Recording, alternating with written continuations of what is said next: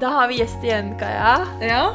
En som vi er skikkelig stoka over å ha her Ja. og gledet oss til. Ja. Og ekstremt takknemlig for at du gidder å bruke tiden din på å komme hit. Med oss, ja. Skal du si hvem det er? Ja, det er Nix fra kunstnerduoen Broslo. Yes. Um, han er veldig aktuell nå om dagen, faktisk, med Broslo-serien på TV2 Sumo. Og vi er jo litt sånn spente på hvordan den responsen der har vært også, da. Det har jo vært mye blest rundt dere om dagen. Ja, det har vært veldig bra respons, ass. Har du fått mange gode tilbakemeldinger? Ja, eller egentlig så stålsatte vi oss før serien begynte å gå på TV. Sånn, vi kommer til å få mye hat, da. Fordi det er liksom Folk blir ofte misunnelige når noen eh, får oppmerksomhet, eller noen får til noe som helst. Så vi var liksom klar for det. Og det varmet opp med at når teaseren kom ut på TV2, så fikk jeg en sånn kommentar Er ikke det der bare pappagutter? Føler at de bare har fått alt betalt og ordna for seg. Og så tenkte de sånn OK, det, der ligger de lista på teaseren allerede, ikke sant? Så vi stålsatser oss for det, da. Og han eh, fikk jo kommentarer tilbake så det holdt, ikke sant. Så det har vært veldig mange som alltid har liksom Hvis noen har gått hardt ut mot Broslo, så er det alltid noen andre som har forsvart oss, da. På en eller annen måte. Og pappagutter tror jeg egentlig ikke kunne vært lenger fra sannheten enn det kunne ha vært. Jeg har i hvert fall aldri fått noe annet enn tyn fra faren min hele livet siden jeg begynte å male, liksom. Klipp deg, skaff deg en ordentlig jobb, var liksom framgangen. Så jeg vil ikke akkurat si det. Men så snudde det helt rundt etter serien kom på TV. For bare fått positive meldinger. Og liksom sånn ja, ikke liksom ikke 100-200, men sikkert liksom 500-1000 kommentarer som jeg har fått. da På e-post, på Instagram, på folk på gata, overalt. Og det er liksom ikke sånn eh, Jeg liker det, liksom. Det er de, veldig mange det er sånn jeg har fått troa på å jobbe med mitt eget kreative arbeid. Jeg har sagt opp jobben min, og nå skal jeg også gå for det jeg brenner for. Enten det er musikk eller kunst eller og, og, hva det er, da. En eller annen bedrift de vil starte selv. Så, sånne meldinger. Og det er liksom akkurat det vi håpet serien skulle gjøre. da. Inspirere. Ja.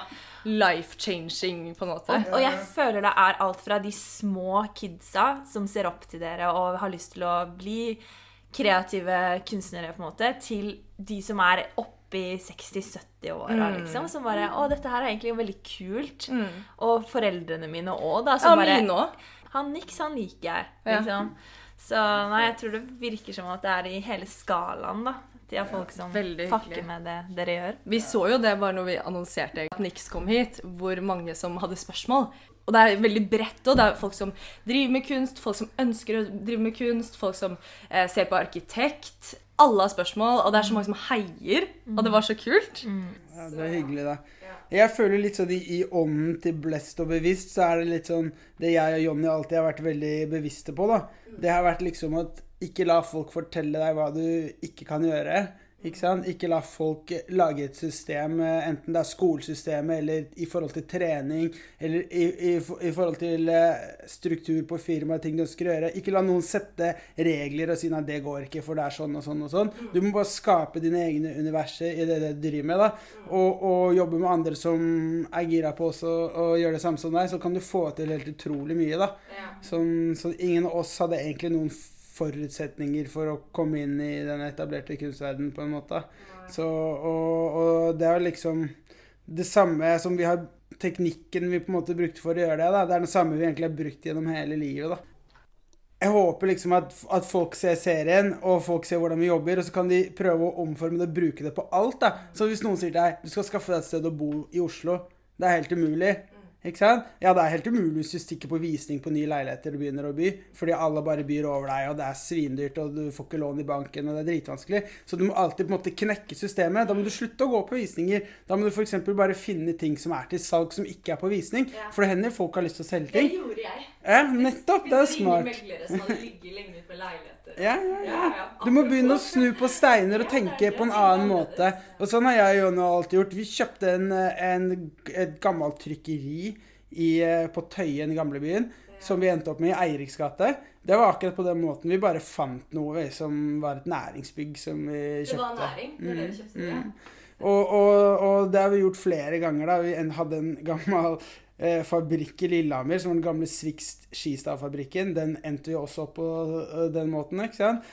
Og jeg vet om sikkert om jeg, jeg tipper jeg vet om kanskje 100 forlatte bygg i Oslo som nesten ingen vet om eksisterer. da.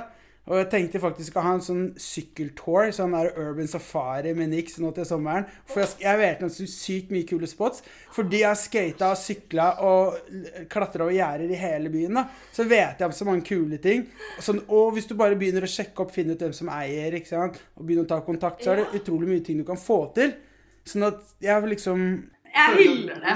Ja, Dritkul det er måte kult. å gjøre det på. Og det så man i den ene episoden hvor dere bare gikk rundt i forskjellige forlatte bygg og fant Mm. ting dere kunne bruke til kunsten, som folk ser på som søppel, og du bare 'Dette her er gull. Dette her er skatter'. Mm. Og det handler jo også om perspektiv på hvordan du ser på ting, da. Et vanlig firkanta syn ser skrot, mens du ser 'OK, dette her kan jeg selge for 100 000', Mm. liksom. Mm. Um, nei, det er fett. Perspektiv er alt. Alltid finne nye perspektiv. Samme også, Vi kommer jo fra snowboard, egentlig. Og det er jo også en slags sånn rebellidrett. da. Så veldig mange folk som kanskje er lei av lagidrett, er lei av en trener som skriker på deg, er lei av at du må gjøre ting tre eller fire ganger i uka for å få være med på lag og få spilletid og sånne ting, så er snowboard perfekt. da. For det handler ikke om det. Du kan stikke ut i bakken og finne på dine egne triks, og er de kule og er de bra nok, så blir du respektert for det. da. Mens det er liksom stikk imot organisert idrett. da. Og sånn som jeg har alltid liksom hatt et autoritetsproblem, da. Hvis noen sier til meg at noe skal være på en måte, eller du skal gjøre sånn, da får jeg lyst til å gjøre det stikk motsatte. da. Bare for å se hva som skjer. Så liksom, Og det har jeg på en måte bare applya videre i livet, da, og gjort det beste jeg kan for å, for å aldri eh, komme inn i en liksom 9-4-jobb, da, hvor du må stå skolen ditt og svare for sjefen. Men har du vært det siden du var barn? Ja, jeg har egentlig alltid vært, alltid vært det. Altså. Litt sånn litt rebell? Ja, jeg tror det. Hvordan var foreldrene dine da? Nei, de er vel egentlig stikk motsatte som meg, da. De har alltid sagt sånn Nei, du må få deg en fast jobb, og du må få rammer, og du må satse på realfagene, og kunst og gym og alle de tingene der. Det er liksom Det er sidefag, og så er realfagene er det viktig. Men så var jeg liksom ordblind. Jeg snakka litt dårlig da jeg var liten. Jeg gikk til logoped på skolen. Jeg skrev og leste veldig dårlig. Så det var liksom det er egentlig helt sykt at man skal satse på et skolesystem som skal belønne realfagene så hardt, for det er ikke alle som er lagd for å gjøre det. da. Det ikke. Og jeg er jo lærer selv. Eh, eh, nå har jeg en tredjeklasse. Men hvordan man merker så Det er liksom skikkelig kult å se den gleden av å lære de å lese og skrive og regne og la, la, la, la, la. Men det er noe helt annet når man har de samtalene hvor du bare forstår at oi, shit. Du, du lærer meg noe nå, ikke sant? Fordi de ser verden på en helt annen måte enn meg. Og jeg syns jo det er veldig inspirerende å, liksom, å jobbe med barn, da. Fordi de Ja, hvis jeg sier 'Kan du ikke gjøre det der med foten din?' så gjør resten av klassen det. Skjønner du? Det er sånn det funker. Du kan ikke bruke 'ikke' til barn. Uh, men uh, det trengs en change der også, tror jeg. Ja. I sy- skolesystemet. Mm. Så ikke du et eller annet på den genseren når du Jo, åpna den i dag? Ja, altså jeg tok jo på meg den skjelettdrakta til Nix, da. eh, i- For å hylle han at han kommer i dag. Um, og så tok jeg av de merkelappene, så så jeg det sto sånn Don't trust the system. Ja, yeah. Never trust the government. Ja, never trust the government var det. Og da, døde jeg av latter. ikke sant? Og hva, hva, er det du, hva er det du mener med det, egentlig? Ja, ja. Nei, det går jo litt tilbake på det samme, da. Så, så på samme måte som man kan finne sin egen vei, så er jo det også på en måte å ikke høre på alt som blir sagt, og ta alt som blir levert ut av informasjon for god fisk, da. Og det viser seg liksom gang på gang i historien i alle land i verden da, at du kan ikke stole på myndighetene. Du kan ikke stole på de som bestemmer. Fordi det er så mange agendaer da, som folk har. Det er økonomiske agendaer, det er politiske agendaer, og da agenda for å dekke over feil. og det er alt alt mulig, da. Hele tiden. Så det er liksom Går bare rett tilbake på det å liksom ikke melde deg inn i det samfunnet som noen andre har satt reglene, da. Men lag ditt eget samfunn, og lag dine egne regler, da. Så er det litt sånn sånn derre Det er liksom Det er vel et skille der, da. Hvor tenker du at du lager dine egne regler? Jo, jeg tenker at man må kanskje, i motsetning til kanskje de som er beinharde anarkister og blitzer og sånne ting, så mener jeg kanskje at du må lage de reglene i samfunnet, da. Hvis du skjønner. Du, du, du må på en måte høre til eller passe inn et eller annet sted i, i samfunnet. Du kan ikke gå til krig med alt og prøve å etablere noe nytt, fordi det er rett og slett bare for tungt. da. Det kommer ikke noe vei. Men vi har, har, et sånt symbol som jeg malte for noen år siden, som egentlig er en smileyface med to anarkiøyer, da. Og det er sånn vi litt ser på det. Du kan på en måte være imot systemet, men du kan gjøre det med et smil. Du kan gjøre det med et smil istedenfor å tenke at du hater alt. da. Ikke sant? For hvis du går sånn fuck alt, fuck alle, fuck skolen, fuck politiet, fuck all, myndighetene, så til slutt så blir det bare veldig sånn negativt ladet, og du får veldig mye motstand tilbake. da, For med en gang du lager krig med noen, så får du krig tilbake. da. Men hvis du kan på en måte finne mer positive måter å gjøre det på, da, gjør noe kult istedenfor, et kult alternativ til det kjipe som fins, så vinner du på en måte dobbelt. da. For det er vanskelig for andre å, å, slå deg ned igjen og si sånn Nei, men de er bare sinte og sære og vanskelige. Men det er plutselig ikke det hvis du gjør noe positivt. Du er jo litt sånn be the change you want to see in the world, da.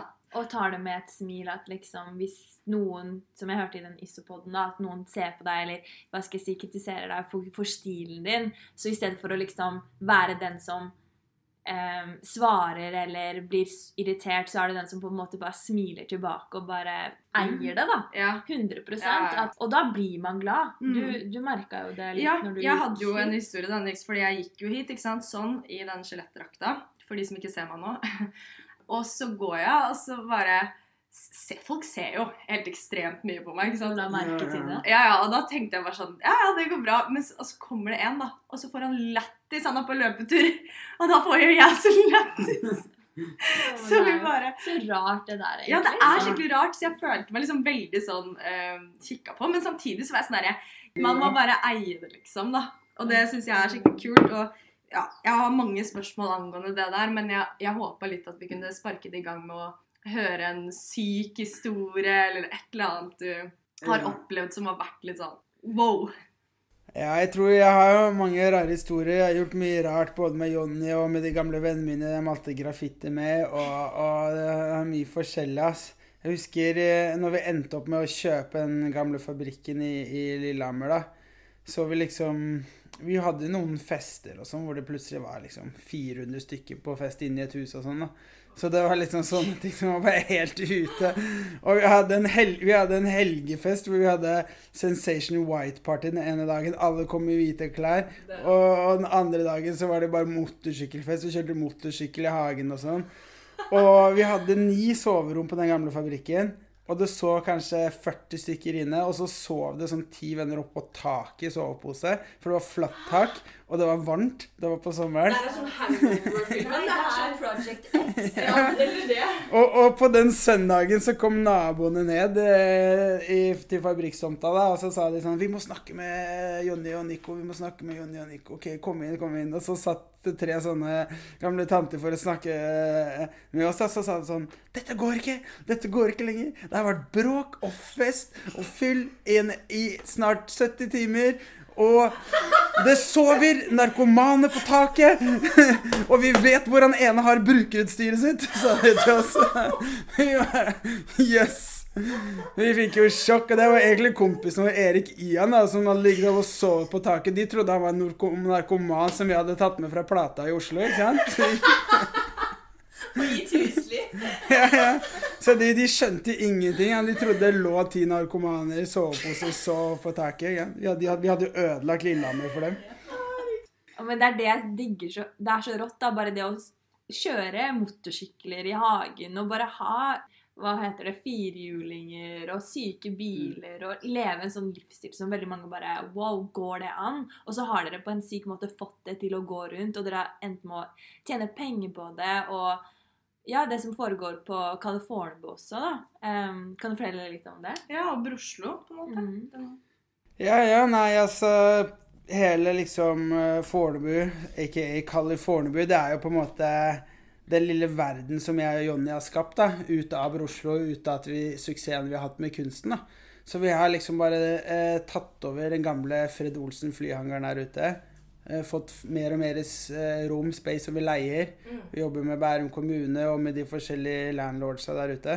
Sånn at vi kan på en måte lage vår egen lille fantasifabrikk, da. Så det er liksom eh, Vi har musikkstudioer der, vi har atelier, vi har steder vi står og maler. Vi har en hall som vi kan ha forskjellige konserter og venter i. Vi har en svær parkeringsplass og en grusplass utenfor som er alt fra gokartbane til motocrossarena til eh, street meet og, og, og konserter, ikke sant. Så vi har på en måte Det er liksom nærme Oslo, men det er litt utenfor byen, og vi har på en måte fått et sånt fristed hvor vi kan arrangere og gjøre akkurat det vi vil. da. Det er ingen som klager på musikken, det er ingen som klager på at det lukter sprayboksgass. Det er ingenting Det er liksom ingen regler, da. Så det er liksom vårt eget lille lille land i, i Norge, da, i Oslo, hvor vi kan gjøre hva vi vil. Og vi reiste jo mye til California og sto på snowboard og liksom levde fritt når vi var unge. ikke sant? Sånn at det er på en måte Californiabu er jo bare en throwback til det. ikke sant? Det er liksom fristed, da. Og det som er så fett, er jo at dere har fått fra å ha en kommune som er bare sånn Å, de må bort, få de bort, til at de er liksom De vil bygge dere opp nesten sånn Her, dere kan gjøre hva dere vil, da. Ja, nettopp. Det er jo litt sånn revolusjonerende, nesten. Fordi Ja. i et land fylt med masse regler, og hvor det er ikke lov å kjøpe øl etter klokka ni, liksom. Mm. Så Ja, og jeg tror der handler det om eh, Dere har på en måte vist at dere kan være noe positivt i samfunnet. da. Eh, fordi hadde dere liksom søkt om det her før dere Så hadde jo folk bare Hva faen er det der? ikke sant? Nei, er du gæren? Eh, Hvem er de her? Men dere har på en måte vist det. Dere har gått andre veien, og så har flere og flere bare fått øynene opp for det, føler jeg, da, i Mm. alle samfunnslag. mm. Eh, Det ser man jo i serien, og det syns jeg er så Ja. kult. Nei, jeg tror veldig på sånn liksom alt som er kultur. Hvis det skal være kultur, så må det være ekte. Hvis det er liksom skrevet i et manus på forhånd og sendt inn til kommunen, så med en gang da så begynner du å miste ekte kultur. ikke sant? For ting må være, komme fra hjertet for å være kultur. da. Med en gang det er programmert og planlagt og skrevet, og det er liksom timelister og, og agendaer på et papir, så har du allerede nesten tapt. da. Og det er det vi etter hvert har begynt å klare å få kommunen til å skjønne. Så på en måte at for å utvikle et område med ekte kultur, så må du faktisk kommunen og instanser klare å gi slipp og tre tilbake og la noen andre styre.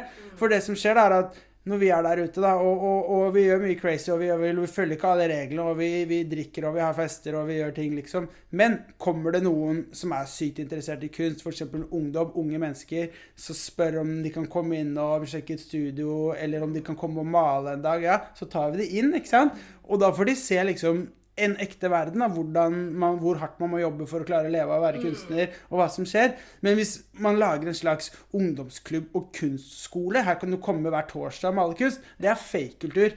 Og det gir egentlig ingenting til de som kommer der. For de barna som da stikker og henger og, og er der eh, i et sånt beskytta miljø fra fem til åtte, liksom, de, de merker selv at det ikke er ekte. da. Sånn, sånn Ungdomsklubber og sånn, det er sikkert bra, det, men det vil alltid være en form for sånn fake kultur. Det er en forlengelse av skolesystemet, på en måte. da. Mens hvis man har noe som er organisk og som er ekte, og folk som er sjenerøse, sånn som vi er, så kan folk faktisk komme inn og ta del, da, og bli en del av det, og, og, og komme tilbake seinere og, og, og føle at det er ekte. da. Det er ingen som betaler oss for å være hyggelig mot eh, noen unge kunstnere som kommer og sjekker det ut. Og er de hyggelige og er de kult det de driver med, så sier vi det. Og er de kjipe eller ekle eller er helt på villspor, så sier vi det. ikke sant? Så de bare tar drugs og eh, faller helt av, så sier vi hei, du må ta deg sammen, liksom. Og da kommer det fra hjertet. Ja. Det, det, det er ikke, som du sier, en pris på det. Det kommer fordi man genuint vil, og da, det, er, da, Mm. det er da man får til ting her. Da. Og jeg tror det er derfor jeg også syns dere er så kule og fine, da, fordi at dere er ydmyke også. Mm. Hvem som helst kan komme og dukke opp på døra, og dere tar de imot og forklarer hva greia er. Det er ikke sånn derre Nei. Det er ikke eh, kult nok. Nei, liksom, ja. Nei, nei, det er veldig Jeg tror det Jeg, jeg har alltid vært veldig sånn Jeg har tatt veldig mye stolthet på en måte i å alltid være sjenerøs og prøve å hjelpe andre mennesker, da, fordi det er det man selv ønsker hvis man tar kontakt med andre som har kommet lenger enn seg selv i et eller annet og sånne ting. Det har vært liksom Det er kult å kunne ha noen mentorer, ha noen andre å lære fra, da. Men, men hvordan har du fått det synet på det?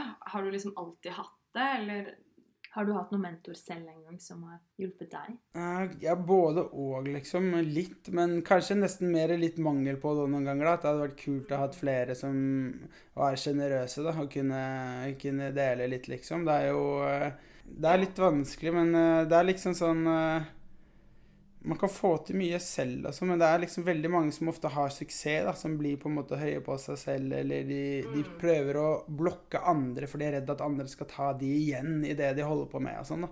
Og det er liksom Det tror jeg er veldig Det tror jeg er negativt både for dem, da, og selvfølgelig er det dritnegativt for de som approacher dem og har lyst til å, å lære eller vite eller uh, bli venner, da. Så jeg prøver liksom å, å Eller ja, helt naturlig så bare er jeg stikk motsatt. da. Jeg har hatt liksom, jeg vokste opp med å spraye mye graffiti, så jeg hadde en storebror som valgte graffiti, og jeg hadde liksom andre folk i graffitimiljøet som har lært meg lært meg ting, da. Så det setter jeg veldig pris på, liksom. Det er kult. Og, og eh, ethvert sånt miljø som det er graffitimiljøet, da, så er du på en måte nødt til å gjøre deg fortjent til å få hjelp, da.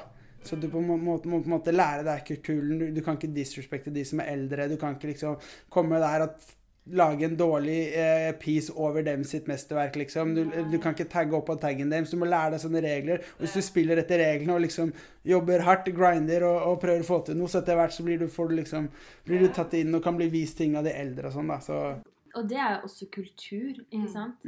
Men hvordan kom du inn i kunstverdenen? Sånn, jeg hører du snakker om graffiti. Var det noe som har inspirert deg? Ja, det var liksom det Alt jeg liksom kan om farger og om å male og om å tegne og sånn, det kommer fra graffiti. da. Jeg begynte å male mye når jeg var liksom tidlig i starten av tolvårene. da. Så jeg var rundt tolv år. Det året jeg var tolv år, ble jeg tatt tre ganger til Grønland politistasjon. Barnevernsvakta for tagging, liksom. For jeg sto på T-banestasjonen og spraya, eller jeg ville lære meg å spraye, da. Så, så jeg liksom har brukt sykt mange timer av livet mitt på å spraye med sprayboks, for å si det sånn. Så det var eh, liksom alt det jeg Alt det tekniske jeg kan, kommer derfra, da. Og etter hvert så ville jeg liksom slutte å bare tagge og spraye, men lære meg liksom tekniske ting, da. Lære meg å spraye ansikter, lære meg å spraye ting som var liksom wild style graffiti, som er den mest kompliserte delen, ikke sant. Jeg ville lære meg de tingene, da. Sånn at det, det kom først, og så etter hvert så begynte jeg å gjøre litt mer sånn kommersielle ting. Jeg begynte å gjøre malejobber plutselig for å tjene penger, da. Mye sammen med kompisen min Sindre, som jeg vokste opp med, som vi begynte å male. Vi malte liksom graffiti mot betaling, da. For liksom MTV eller G-sport eller Ikea eller Pepsi, liksom sånne ting, ikke sant. Så jeg tenkte shit. K- Kanskje de mest hardcore i graffitimiljøet hadde sagt sånn Det er sell-out, ikke sant. Men vi tenkte shit, kan vi faktisk tjene spenn på å spraye? Det er det kuleste vi vet å gjøre. Og nå kan vi, og ganske ung alder, fra liksom 16 år, har begynt å få betalt for det her, liksom. Hvordan reacha de ut, da? Til dere? Nei, det er bare word of mouth. da. Noen visste at vi var flinke til å spraye. Noen het reklamer og spurte oss som kanskje kjente meg eller broren min. og sånn, sånn bare kom det sånne jobber, da. Og så etter hvert så kom det mer og mer. ikke sant? Så det var liksom jævlig kult, da. Og så tror jeg malte, malte masse på lerreter. Jeg malte sikkert 200 malerier på lerreter før jeg solgte et eneste maleri. da. For bare spraya. Jeg syntes det var gøy og malte bilder som jeg hang hjemme hos kompiser og ga bort. og litt sånne ting. Hvor gammel var du da? Nei, det var liksom alt fra jeg var liksom eh, fra kanskje 17-18 år da, oppover til par 20 så malte masse lerret. Det som er kult, er liksom, Da gjør du det for deg selv og vennene. skjønner Du Du tenker ikke da øyeblikkelig bare sånn Jeg skal bli verdens største kunstner. Nei, nei, Det er bare pure joy. Mm. Og selv om du på en måte er god til å male graffiti og sånn, så jeg tenkte jo aldri på å prøve å liksom entre den liksom etablerte kunstverden, for vi så egentlig ned på kunstverden. Vi tenk, vi tenk, ja, vi tenkte liksom at hvis du ser på contemporary art, hvis du går på høstutstillingen på Kunstnerens hus i Oslo, da, så er det alltid sånn en sponplate eller en sandhaug slengt i et hjørne, og så er det liksom en lapp på siden hvorfor det er et kunstverk. Eller et, hvert, hvert eneste år, det er fortsatt i år også det var på kunstutstillingen, så er det alltid et skittent laken som er stifta rett i veggen. Og det gjerne følger det gjerne med et 18 siders skriv om hvorfor det er verdens beste kunstverk. ikke sant? Ja, og det er så fascinerende, fordi det er så status. Du trenger bare én kjent person eller én eh, Hva heter det sånn høyt eh, oppi i systemperson til å si 'dette er fett'. Eller En gallerist, en kurator, Ja. en eller annen er kunstsamler som kjøper, fett, så er det liksom plutselig bra. Ja. Ja, nei, men det er akkurat sånn vi tenkte, fordi vi, vi så jo liksom Vi prøvde jo hele tiden å bli flinkere og flinkere til å male og gjøre det, male teknisk, og så så jeg liksom at folk Ok, de kunne bare slenge noe maling på et lerret og, og klusse, lage noen klussestreker, og så var det liksom, skulle det være verdt liksom hundretusenvis av kroner, da. Bare fordi noen sier at det er bra. Ja. Sånn føltes veldig sånn der Nei, det, syns, det, det her syns jeg var negativt. Det syns jeg var liksom påtatt. Det var dårlig. De kan jo ikke male engang, tenkte jeg. Men, men fortell litt om, eh, om deg da, og, og Jonny, da, som starta Broslo, og hvordan det liksom kom til. da. Ja, ja. Nei, det var jo egentlig kun ved tilfeldighet, da. Så vi hadde akkurat kjøpt oss en eh, kåk sammen i gamlebyen. Ehm, en leilighet eh, rett i Sveigårds gate, i krysset midt nede i gamlebyen. Og jeg hadde gjort det slutt med kjæresten min, Jonny og kjæresten hans hadde gjort det slutt, så vi tenkte vi bare kjøper en leilighet sammen. Eh, og det gjorde vi der, da. Og vi hadde et ekstra soverom som vi lagde møbelsnekkerverksted i leiligheten. Vi sagde og snekra døgnet rundt i den kåken. Vi hadde bordsag som er sånn svær svær liksom sag som bråker som fy, da. Inne i leiligheten i andre etasje. Vi hadde en motorsykkel som vi fiksa opp i andre etasje, liksom. Starta den opp og sjekka om den gikk bra, liksom. Og vi fikk ingen naboklager. Det var så sykt. Vi sa til naboen over altså hvis vi bruker bordsaga seint og sånn, så må vi bare ringe, sende melding hvis det bråker for mye og sånn. De var nei da, bare kjør på. Og det føler jeg var sånn greie som Ja, det var sånn jeg føler sånn Det, det funker i gamlebyen, da, men det funker ikke på Frogner, ikke sant. For der er naboen din advokat og skal saksøke deg bare du spiller musikk høyt én gang. ikke sant? Sånn at det var liksom jævlig kult for oss, da. Å kunne kjøre på der nede. Vi malte masse svære malerier inni leiligheten vår og lagde masse møbler. da. Hadde dere noen oppskrift, eller tenkte bare vi prøver, og så får vi et resultat der? Ja, oppskriften var jo å gjøre det stikk motsatte av det etablerte kunstverdenen gjør, da, av det contemporary art-scenen i, i, eh, Norge gjør, liksom. Så når alt skal være sært og uforståelig, så gjør, gjorde vi det stikk motsatte. Vi gjorde det superenkelt og naivt og happy. Mm. Ikke provoserende, for veldig mye contemporary art skal være sånn superprovoserende, ikke sant. Mm. Sånn at uh, da gjorde vi det stikk motsatte. Vi lagde en superkoselig og snilt og fine farger og sånn. Så det var jo det vi begynte med. Og, Fordi dere lagde kunst, kunsten selv etter at dere hadde bygd masse møbler? Ja. Jo, jo, vi lagde, vi lagde alle møblene i leiligheten vår i gamlebyen. Vi lagde alle møblene våre i fabrikken i Lillehammer. Og så tenkte vi sånn at vi må ha noe kult på veggene. Og verken hadde vi lyst på å gå og kjøpe kunst på etablerte gallerier, og vi hadde heller ikke penger til det, så da måtte vi lage alt selv. Så det var liksom sånn vi begynte å lage ting sammen, da. Så funka det bra. Det, vi arbeidet sykt bra sammen, hadde høy produktivitet. Så vi bare OK, vi lager mer og mer. Hang vi det opp. Og så var det bare ved en tilfeldighet en gang at det var liksom en svær kunsthandler som het Kai, da. Ja. Som kom innom og bare ved en tilfeldighet så all kunsten på vegga. Bare Shit, hvem er det som har laget all denne kunsten? Nei, det er vi, det, da. Og så bare ja, skal vi, lage, skal vi lage en utstilling, eller sammen? Så sa vi bare ja. Vi skjønte ikke hva han snakka om, men vi bare ja, OK, da la oss bare gjøre det, da. Og det var på Fornebu. Det var den første utstillingen vår i 2012. var det vel, 2000. Tror du det var tilfeldig, eller tror du det var universet som bare dette her skal skje? Nei, jeg, jeg vet ikke. Det, det, kan jo være at jeg hadde begynt med kunst før eller siden, men jeg tror på Det var en sånn super happy accident da, at det skjedde akkurat da. da. Så vi bare kjørte på med det. Vi lagde 30 bilder cirka til første utstillingen vi hadde. Og Kai han solgte alle bildene på en time, liksom. Så vi tenkte bare shit. Det var en nette sum av ca. 250 000 kroner, for bildene var ikke så dyre. Men for oss var jo det en million. ikke sant? Shit, Går det an å selge kunst for 250 000 på én kveld? Det er jo helt sykt. Vi fikk jo sjokk, ikke sant. Vi, hadde ikke, vi tenkte sånn at hvis han selger ett eller to bilder, så er det dritkult. ikke sant? Ja. Så Enda mer faktesystem, liksom. Ja, ja, ja. Nettopp. Og, og, så gjorde vi en ny utstilling med Kai, da, og sammen med en, en annen liksom, kurator som hjalp å sette opp en utstilling som Kai hadde skaffa, som heter Katinka Tråseth. Og hun kom jo fra den veldig etablert Og, kunstverdenen. men vi lagde en utstilling med henne, og vi solgte nesten alle bildene dagen før utstilling på forhåndssalg solgte vi de siste liksom, 20 bildene som var igjen første timen av utstillingen. Så hadde vi solgt 65 verk i løpet av en time, basically. da. Så vi, ja, og da, da var jo plutselig summen godt over en mil. Nesten to mil var det ikke sant, på én utstilling. Så vi tenkte bare OK, shit. Det var vår andre utstilling. altså. Det var litt sånn sånn Det var helt sykt for oss, da. Tenkte vi bare Ja, ja, men da bare fortsetter vi, da. Yeah. og så har vi bare eh, vært kunstnere på fulltid siden den utstillingen. Da. Men da var dere liksom sånn OK, vi må opprette et selskap, vi må liksom Fordi det er jo mye penger det er snakk om. Hvordan er det man går frem, da, for de som ønsker det? Ja, ja. ja nei, altså, man uh, Vi satte opp et AS en gang, bare vi fikk hjelp av Kai til det. Bare sånn at vi kunne betale skatt og, ja. og ha papirene i orden, og det tok han seg av. Så vi mm. bare kunne fokusere på å jobbe kunst. Så det var deilig. Men altså, man må jo ikke ha et firma heller. Så, så lenge du betaler skatt og, og, følger regler, så er det jo bare å kjøre på. Mm. Det går an å gjøre alt, eh, fakturere som privatperson også. Mm.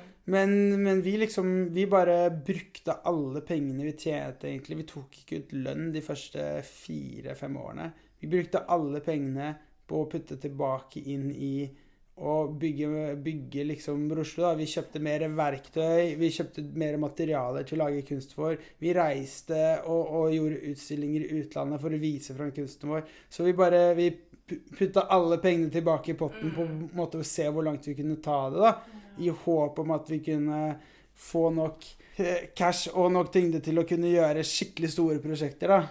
Så det var liksom det som Så livet handlet liksom om, om kunsten, da. Det handler aldri om å cashe ut. Det var aldri sånn der «Å, nå skal jeg bare få ut masse penger og kjøpe meg en dyr bil eller leilighet. Det var ikke det det handlet om. Det handlet sånn.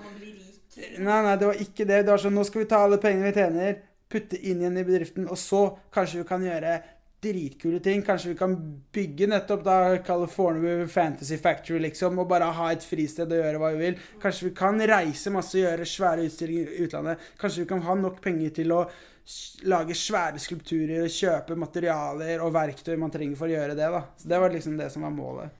Men da lurer jeg på en ting, fordi det her er jo sånn skikkelig sånn glanshistorie. Sånn, egentlig sånn, Det høres ut som at alt har gått veldig bra for dere to. da. Eh, om Bruslo, har, du, har dere opplevd noe sånn skikkelig sånn motgang? Mm, jeg tror på en måte Vi har hatt en sånn sykt jevn, rolig oppoverkurve, da.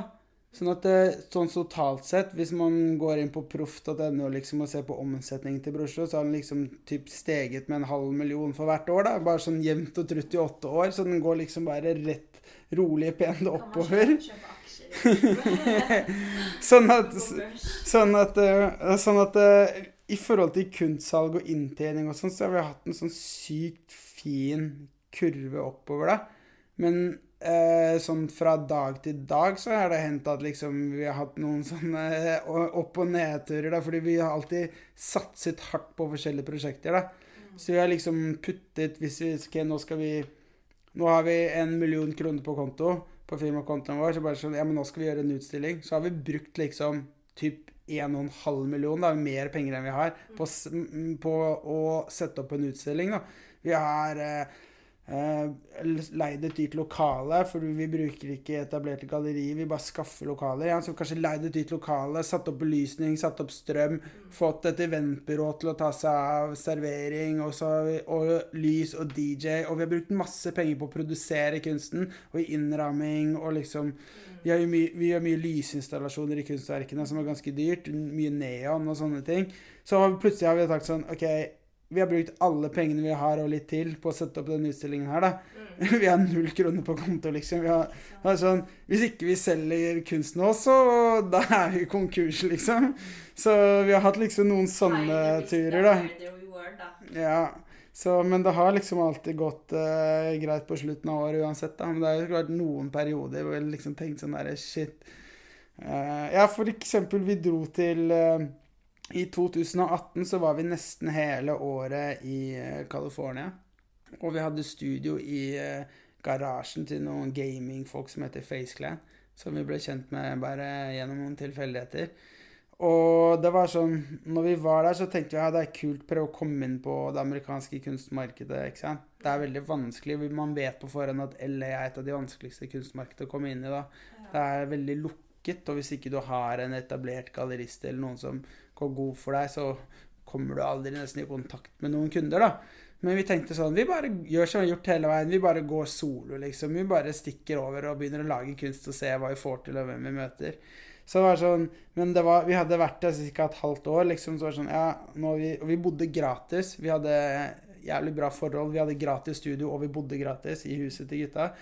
Men allikevel da, så hadde det gått liksom eh, seks måneder. da, Vi hadde brukt liksom godt over en halv million da, der nede ikke sant, på produksjon av kunst. Og vi hadde egentlig nesten ikke solgt et eneste kunstnerverk mens vi hadde vært der. Så er det sånn Shit, gir dette noe mening? Hva er det vi driver med, liksom? Kommer vi oss ingen vei? Må vi, må vi finne en annen approach for å få til det her, da? Så, men så dro vi hjem en liten tur til Norge. Vi jobbet litt der, gjorde noen jobber som hadde bra inntjening. Så dro vi tilbake igjen til LA og på en måte fortsatte ut året, da. Og, og, og, og lagde kunst. Og selv om det liksom ikke kom i 2018, så kom det liksom ikke noe økonomiske gevinster ut av det, annet enn at det var gøy, liksom. Så var det liksom lite business i det, da, på en måte. Så, men på en eller annen måte så viste det seg i ettertid at det var en investering, da, fordi i etterkant så har det kommet masse salg og salg til liksom svære profiler i Hollywood og youtubere og sånne ting. Da, og det er jo kommet bare nettopp ut fra det vi la ned i 2018. Sånn som long term så var det bra likevel, da. Sånn som når vi i år solgte et svært kunstverk til David Dobrik, liksom, så var det, var det plutselig til, fordi at vi har vært i Hollywood og vist oss fram tidligere, ikke sant. Selvfølgelig, og det er så viktig at man skjønner at ting kan ikke bare skje over natta også. At man må på en måte stå i det, og så plutselig så kommer gevinsten i enden der en gang. Men hadde dere et bevisst forhold til det? Liksom, Var dere tydelige på at ja, men det, det skjer en dag, eller liksom?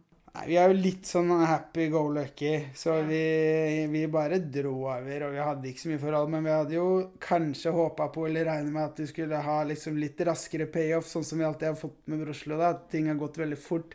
Men vi gir jo ikke opp selv om eh, vi har litt motgang, liksom. Så Men jeg har jo sett at dere har med sånn ASAP Rocky og Pose Malone og de profil, Det er jo store profiler i, i LA da, og Hollywood, på en måte. Men hvordan Absolutt. gikk det til? Nei, det var egentlig litt sånn Vi startet egentlig med å tenke veldig mye sånn at vi må, vi må prøve å komme oss uh, ut til utlandet med kunsten. Norge er lite, på en måte. Vi har lyst til å prøve å, å gå internasjonalt. da, Selge kunst internasjonalt. Og så var det sånn der ja, Hvordan skal folk få vite oss om det? Vi har ikke lyst til å bare ringe et galleri i New York liksom, og spørre om å gjøre en utstilling. Det virker så oppstilt. Vi må bare finne vår egen approach. Så det var da vi egentlig tenkte på sånn Vi fikk tilbud om å gjøre noe utsmykning til Stavernfestivalen. Noe kunst og noe lyseverk som skulle være med og lage stemning der. Og da sa vi plutselig som en premiss, så sa vi ja, vi gjør eh, den utsmykningen for dere hvis vi får lov å sette igjen en gave til ASAP Rocky på backstagen hans. For vi visste han skulle spille der. Så det var på en måte Istedenfor å ta kontakt med et galleri og tigge om å ha en utstilling, så tenkte vi sånn Nei, vi bare approacher noen uh, rå folk, da. Ja, det var kult. Så det var liksom bare sånn det skjedde, da. Så, så satte vi igjen da et verk uh, Vi satte igjen et verk til han der, da, og så Og så kom han inn på backstagen og så det verket, så ble han dritgira, da, for han syntes det var så kult. Og vi hadde jo ikke planer om å møte han eller noen ting. Vi kunne ikke være der på backstagen, liksom. Vi var ute og så på konsert, vi. Så plutselig kommer de som driver festivalen, og bare Nico, Nico, kom fort! ASAP Rocky vil snakke med dere, og sånn. Og jeg finner Jonny, og Jonny var på andre siden. Jeg heter søren hvor Jonny er, så ringte jeg han og Jonny, du må komme på backstagen og sånn. Så det var liksom bare sånn det skjedde, da. Så ble vi tatt inn på backstagen til han. Han viste seg at han setter sykt stor pris på kunst, da. Og han sa at han ser egentlig på seg selv som en kunstner, og ikke som en musiker, da. Sånn at uh, Han sa at han hadde nettopp hatt en konsert i London. Den var skikkelig dritt. Det var dårlig stemning, det var dårlig lyd, det var dritdårlig på backstage. Det var, han hadde hatt en dårlig opplevelse. Sånn, å komme hit til Stavern til Norge og, så, og få den velkomsten her, han satte skikkelig pris på det. Fikk vi en bra tone med han, liksom, og var der og hang, så hadde vi med kompisen vår eh, Noah, som er fotograf, da. Og, så, og han også var med inn backstage. Og så hadde sagt han på forhånd bare ta med kamera, bli med inn backstage. Får vi et kult bilde med, av han og kunstverket, f.eks., så tar vi det, men ikke spør om det. Bare, bare vi venter og ser om han er hypp på å gjøre det. Så bare sånn For det verste, liksom, hvis du stiller opp med noen eh, artister eller noe og spør om selfies, liksom, da, da blir de så drittlei. Da får du beskjed om å dra. ikke sant? Så vi bare, nei, vi bare har med fotograf og henger, så ser vi. Men så endte det med at vi var liksom på backstagen i liksom fem timer med Rocky. da. Vi satt og prata med han og alle homiene. Han poppa masse sjampis og skjenka til oss. Og han var liksom homie, da. Bytta telefonnummer med han på og alt, liksom. Og så bare eh, Til slutt så sier han sånn Hei, vi tar et fett bilde sammen da med kunstverket, liksom. Det var jo det vi håpa på å få, sant. Så bare tenkte jeg yeah, fett, liksom. Så, så ble det et jævla rått bilde da som, som Noah tok. Og så var det på slutten, når det ble liksom på kveld og litt før han skulle spille, da. Så sier han bare sånn Vil dere være med opp på scenen eller mens jeg spiller og sånn? Vi bare Ja, ja, fett. Det er Og så kom det en limo bak der og, og hoppa ut, og da var det en sånn dri, dritsur fyr som hadde drevet og kasta ut meg og Jonny fra eh, kantinen på Stavernfestivalen hele uka, for vi hadde gått og spist maten som egentlig bare var for artistene, da. Men vi følte at det måtte vi kunne gjøre siden vi rigga og lagde kunst i hele der, ikke sant. Så han hele tiden prøvde å kaste oss ut fra kantina, da. Og så var det han som skulle liksom åpne dørene sånn til den limoen. da, Plutselig måtte han stå og åpne dørene, og vi gikk inn der med Rocky, og han var liksom Han følte seg så jævlig dum, da. Nei, det var fett. Vi var plutselig ikke kule nok til å spise inne på kantina hans, men vi var plutselig kule nok til å henge med Rocky og være på scenen, liksom, så det var jævlig fett. Det var liksom payback til han. da. Det sier jo litt om sånn mennesker også, da. Hvor at dere viser hvem dere er, og da får man tilbake for det, på en Mm. måte. Sånn, det er jo ikke hvem som helst som kunne bare hengt med ja, en av de største i USA. Nei, ikke sant? Jeg tror, jeg følte veldig sånn også Altså, han eh, Rakeem var sykt low-key, på en måte. Han var ikke høy på seg selv. Han snakket veldig lavt. Han var veldig sånn respektfull mot oss, da. Han kunne jo vært veldig høy på seg selv og, og, og veldig motsatt, ikke sant? Men han var veldig sånn Veldig ydmyk, da. Veldig vennlig. Da tenkte jeg sånn Jeg har møtt kjendiser, da, som er så langt ifra uh, å være like store kjendiser som det han er, da. Bare folk som har vært på en dårlig TV-show i Norge, liksom, kan fort bli høye på seg selv, da. Og være kjipe, liksom. Så tenkte jeg at han som har made it så jævlig, da, klarer liksom å fortsatt være så ydmyk og kul og høflig og hyggelig. Det var jo på en måte ja, Det er jo noe som jeg selv eh, har lyst til å være òg. Så tenkte jeg sånn Ja, det er fett at han viser at han kan komme så langt og likevel være sånn, da. Det er ikke noe vits i å ha spisse albuer. Det er ikke noe vits i å gå og være kjip og høy på seg selv. Det var liksom jævlig kult å se, da. Ja, det, er- og det er viktig og så fint å være på en måte litt sånn jordnær, selv om du egentlig har fått til det du vil her i livet. Jeg husker Haddy sa det, hun var her og som gjest hadde vært i New York, så sier hun at hun hadde vært inne på et, et sted eller noe, så hadde en bare sagt til henne Wow, I love your jacket. We're gonna be best friends. That's a, that's a cool jacket. Hadde på sånn rød skinnjakke, da, og det var Kid Cuddy. Ja, rått, da. Sånn der at liksom de du tenker sånn Mens andre kjekke modeller bare går liksom rett forbi, Mm. sier ingenting, tror de er her, da. Mens de som på en måte er Det er så viktig å være likende selv om du på en måte har made it. Ja, det som jeg tror man, man vinner på det selv, ikke sant. For det er, du blir jo glad av å være hyggelig mot folk, mens du blir jo dårlig humør hvis du er ekkel mot folk. Så folk som går rundt og er ekle mot andre og tror at de skal ha spisse albuer for å komme seg selv opp og fram, de har det egentlig bare, får det egentlig bare kjipt selv. Så det er en veldig sånn misforstått greie som jeg tror mange henger seg opp i. da. Fordi det føles jo bra når du har fått andre til å bli glad. Det føles jo ikke bra etterpå hvis du har fått noen andre til å grine eller noen andre til å bli skuffa. Så det er en veldig misforstått greie da, som jeg tror er et sånn øh, vrangspor som jeg tror det er veldig lett at folk kommer i. da. Spesielt folk som har hatt suksess. da. Og den energien du gir, får du på en måte tilbake, da. Absolutt. Nei. Men eh, ja, ja, ja, det er dritkult. Herregud. Eh, Men jeg eh, lurer litt på Hva er det som på en måte inspirerer kunsten din og Broslo sin mest? da? Fordi det har jo vært en utvikling også. Kan du fortelle litt om det? Ja, jeg tror liksom Vi pleier ikke å se så mye, mye på, på hva andre kunstnere gjør og sånn. men Det er vel sikkert er jo en form for pop-art det vi lager, da. Vi har mye referanser til populærkulturen, til det som skjer, om det er politikk, eller om det er trender i musikk eller ikke sant, TV. Så det er på en måte bare å ta alle de dagligdagse impulsene vi har, da, og prøve å mikse det sammen til, eh, til eh, et eller annet eget, da. Og som hovedregel så har vi liksom alltid hatt sånn på kunsten til Brosla at eh, den skal være litt naiv, den skal være litt enkel, den skal være litt dum, på en måte. Den eneste den skal gjøre, er at det, det, du skal bare få en good vibe av å se på den. Da. Du skal bli glad av å se på den. Og det er på en måte det der lille stikket til den der eh, contemporary arten som skal være sånn sykt provoserende og sykt vanskelig å forstå og sånn. Trenger ikke å bety så mye, bare det gir deg en følelse. Ja, det er liksom Det, det første er liksom Det må være den følelsen, det må være det derre sjokket eller den der kicket du får av å se tingen første gang. da At du må legge merke til det. Og så kan man heller liksom bake inn meninger eller politikk eller andre ting mer skjult da, i symbolikk og sånne ting. Sånn at eh, jeg tror eh, hvis du lager veldig sånn tydelige politiske budskap i kunsten din, f.eks., så kan det fort føles ut som sånn en one-liner. Du, du har skjønt budskapet, og da er du på en måte ferdig med bildet. Men det er ofte fint kanskje at det er noe mer man kan få ut av det enn det. da. Så at selve den følelsen eller den viben eller det, den symbolikken du kan lete etter, er på en måte kanskje viktigere da, enn å bare pushe ut liksom budskap. Men det føler jeg med alle kunstutstillinger jeg har sett. Det har i hvert fall sånn Internett sucks, Happy Nuclear nå. Det, det er liksom et Det er jo et stikk noen ganger til samfunnet, ikke sant? Hva er det liksom Hva, hvorfor er du egentlig liksom imot samfunnet, egentlig? Hva har gjort at du har kommet dit eh? Nei, det er jo Det er jo eh, egentlig akkurat det vi snakket om i sted, da. Det er egentlig bare de rammene, da, som man blir liksom oppfordret Men har du opplevd noe som selv personlig som gjør at du, du føler på at synes... myndighetene er korrupt, hvis jeg kan si det på den måten? Ja, utrolig mye, og jeg har på en måte Jeg syns nesten jeg føler det og ser det hver eneste dag, da. Eh, Det er liksom sånn Jeg har det hele tiden i hvitøyet, da. At jeg syns ting er jævlig mye tyngre enn det trenger å være. Det er feil, det er urettferdig.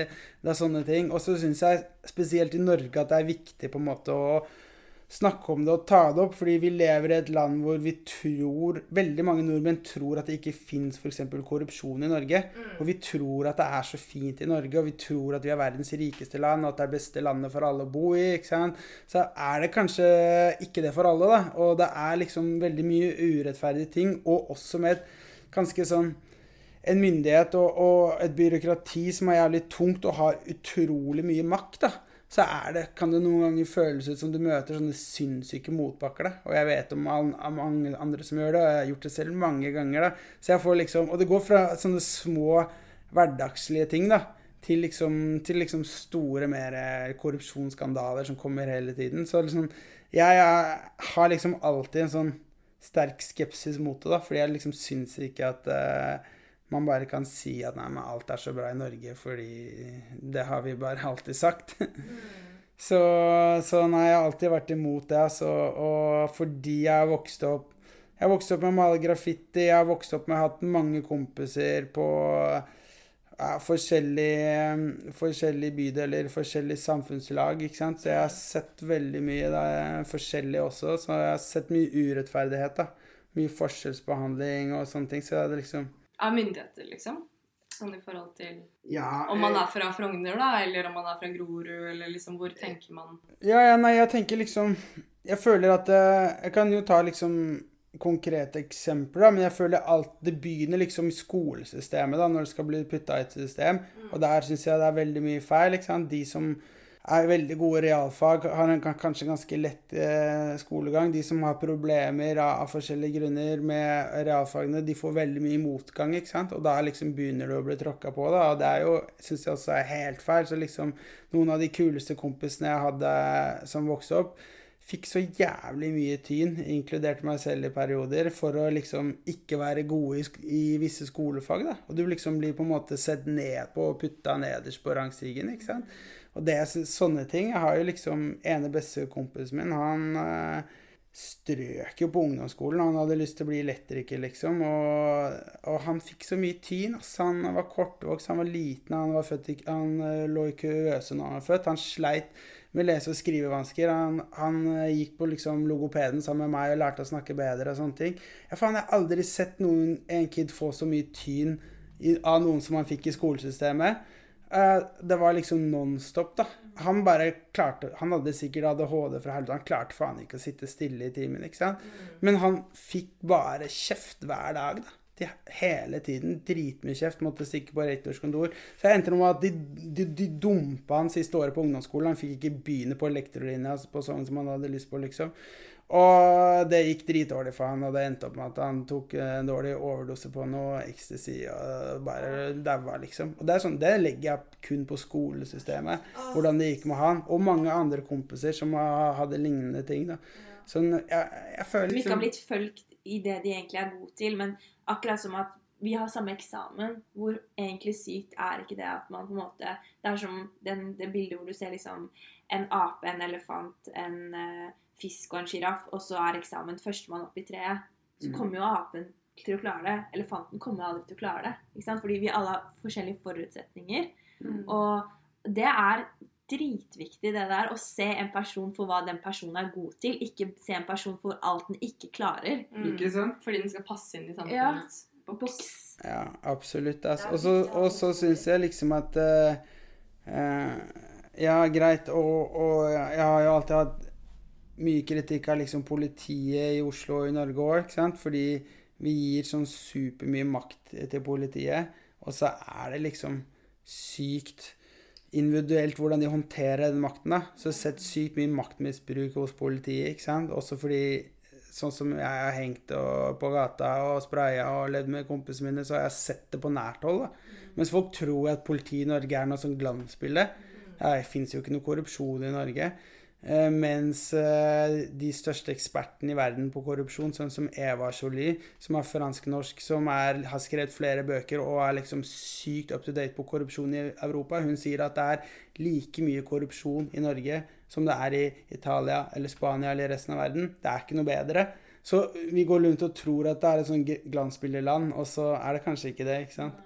Og fokuset på politiet eh, også, eller fokus til politiet, er det så farlig med liksom tagging som det ene eller det Det er sånn derre som voldtekt, skjønner du? Sånn Ja, prioriteringen er jo også syk, ikke sant?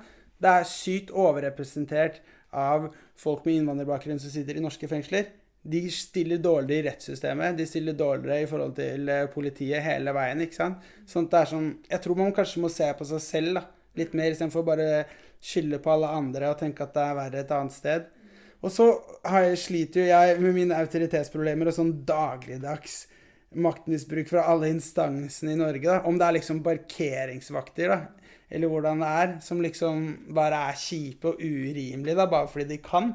Det sliter jeg også med, ikke sant. De kan, det er akkurat det. Jeg var på Tryvann i går. Jeg ser sånn mange får bot fordi de ikke står akkurat på linja på Mm. parkeringsskiltet. Bare for å lage kvalme, føler jeg. Sånn, Ja. Og det er ofte sånn gutter også, skjønner du? At man skal sette sånn De guttene her, de er trøbbel. Ja, Og så er du det Har du gjort én ting én gang, så følger det på en måte med deg hele veien. Ja, ja, ja. Nei, jeg tror jeg fikk høre at jeg hadde bildet mitt på veggen liksom på Majorstua politistasjon. og Jeg var tenåring, liksom. Han her skal vi ta. Så sånne ting. Jeg var jo selv eh, dømt i en, i en rettssak eh, hvor jeg ble dømt til 180 dagers fengsel for en slåsskamp som jeg havnet i, hvor eh, dommen ble opphevet for det ble vist korrupsjon av dommeren. Så fordi dommeren hadde fått informasjon fra politiet og fått beskjed fra politiadvokaten og politiet og snakket direkte med en politikonstabel på Majorstua politistasjon og fått beskjed om å dømme meg selv om det var dårlig bevis.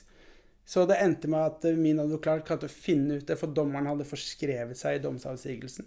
Og så ble det en ankesak, og så ble den dommen hevet pga. at det ble bevist korrupsjon. Så norske dommere har ikke lov å få informasjon fra politiet på den måten. De skal dømme på bakgrunn av bevisene som blir lagt fram i rettssalen. De skal ikke få en telefon fra politiet og få bare beskjed om han må du bare få dømt, selv om det er dårlig bevis. Det er ikke lovlig. Så, så jeg har sett mye sånne ting. Ja, det er da du begynner å tvile på Systemet. Det er ikke rart, det. da. Men skal vi gå litt videre? Sånn som Seaspiracy er jo veldig i vinden akkurat nå. Vi har sett den begge to Ja. basically slutta å spise laks og fisk. så, så vi har jo litt lyst til å snakke om på en måte ditt syn da, på veganisme. Vi vet jo at du er veganer. Ja. ja, egentlig så tenkte jeg Nå har vi pratet lenge allerede, da, men egentlig så tenkte jeg sånn at det hadde vært kult å snakke litt om veganisme og snakke litt om ja, sånn som Seaspiracy og de nye opplysningene som kommer ut. da. Fordi eh, det er en ting som ikke har snakket så mye om. da. Og jeg føler at igjen da, så går det liksom tilbake til det her 'never trust the government'. da. Vær litt eh, skeptisk til informasjonen du blir gitt. da. Og, og det føler jeg liksom det har vært nesten, Jeg liker å være litt rebell, jeg liker å sette spørsmålstegn ved ting, og jeg liker gjerne hvis folk ikke forstår hvorfor jeg gjør det. Og det er egentlig veganisme har vært perfekt for meg sånn, da, for det er ingenting som nesten gjør folk mer aggressive da, enn hvis du sier til dem at 'nei, men jeg spiser ikke kjøtt', jeg. For det er helt jævlig. Gårdsindustrien i Norge er helt forferdelig. Da blir folk så provosert, fordi du nesten rokker ved hele oppdragelsen deres og virkeligheten de har kjent til. da.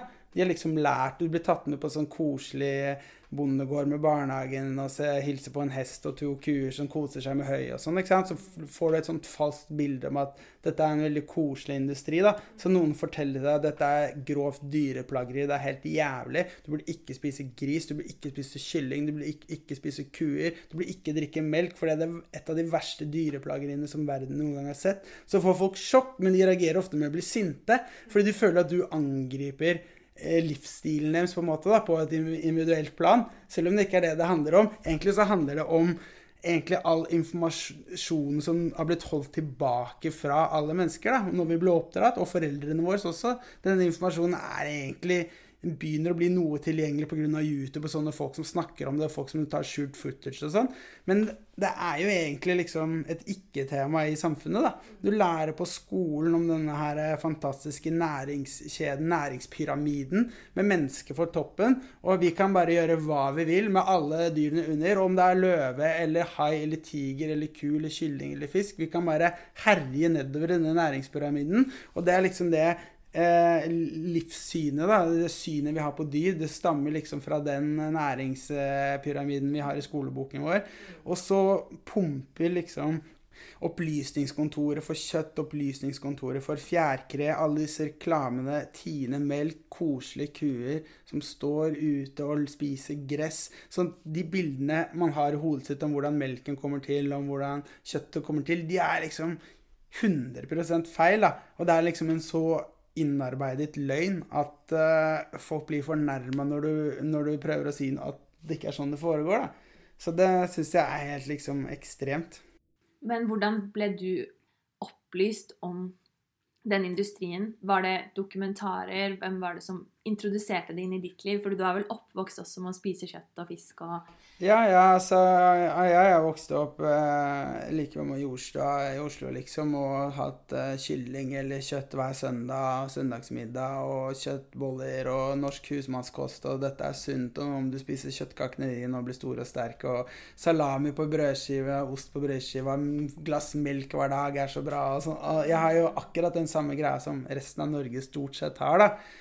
Men eh, eh, så har jeg liksom alltid vært god til å stille spørsmål over ting. Da. Så begynte vel egentlig med at min storebror Han begynte å spille liksom sånn derre hardrock, da. Noe som kalles uh, egentlig bare for Det er liksom hardcore, det er liksom sjangeren. En slags sånn jævla heavy punkrock. Og, og, der er det et miljø som er straight edge, heter det. Og da, da, skal du være veganer, og du skal ikke drikke, og du skal ikke ta drugs, liksom.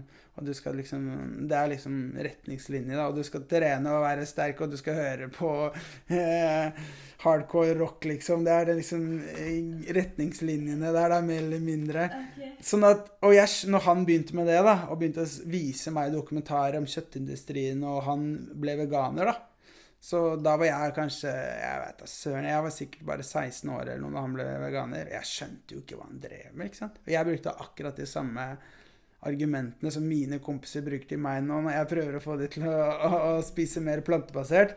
Sånn at eh, jeg, jeg, tenkte sånn Hva er det du snakker om? Og det er jo naturlig, og mennesker har alltid spist kjøtt, og det er næring, og det er så sunt, og mm. det er næringskjeden, det er livs, livsløpet. Fordi du har blitt lært opp til det. Ja, altså jeg kom jo med alle de argumentene.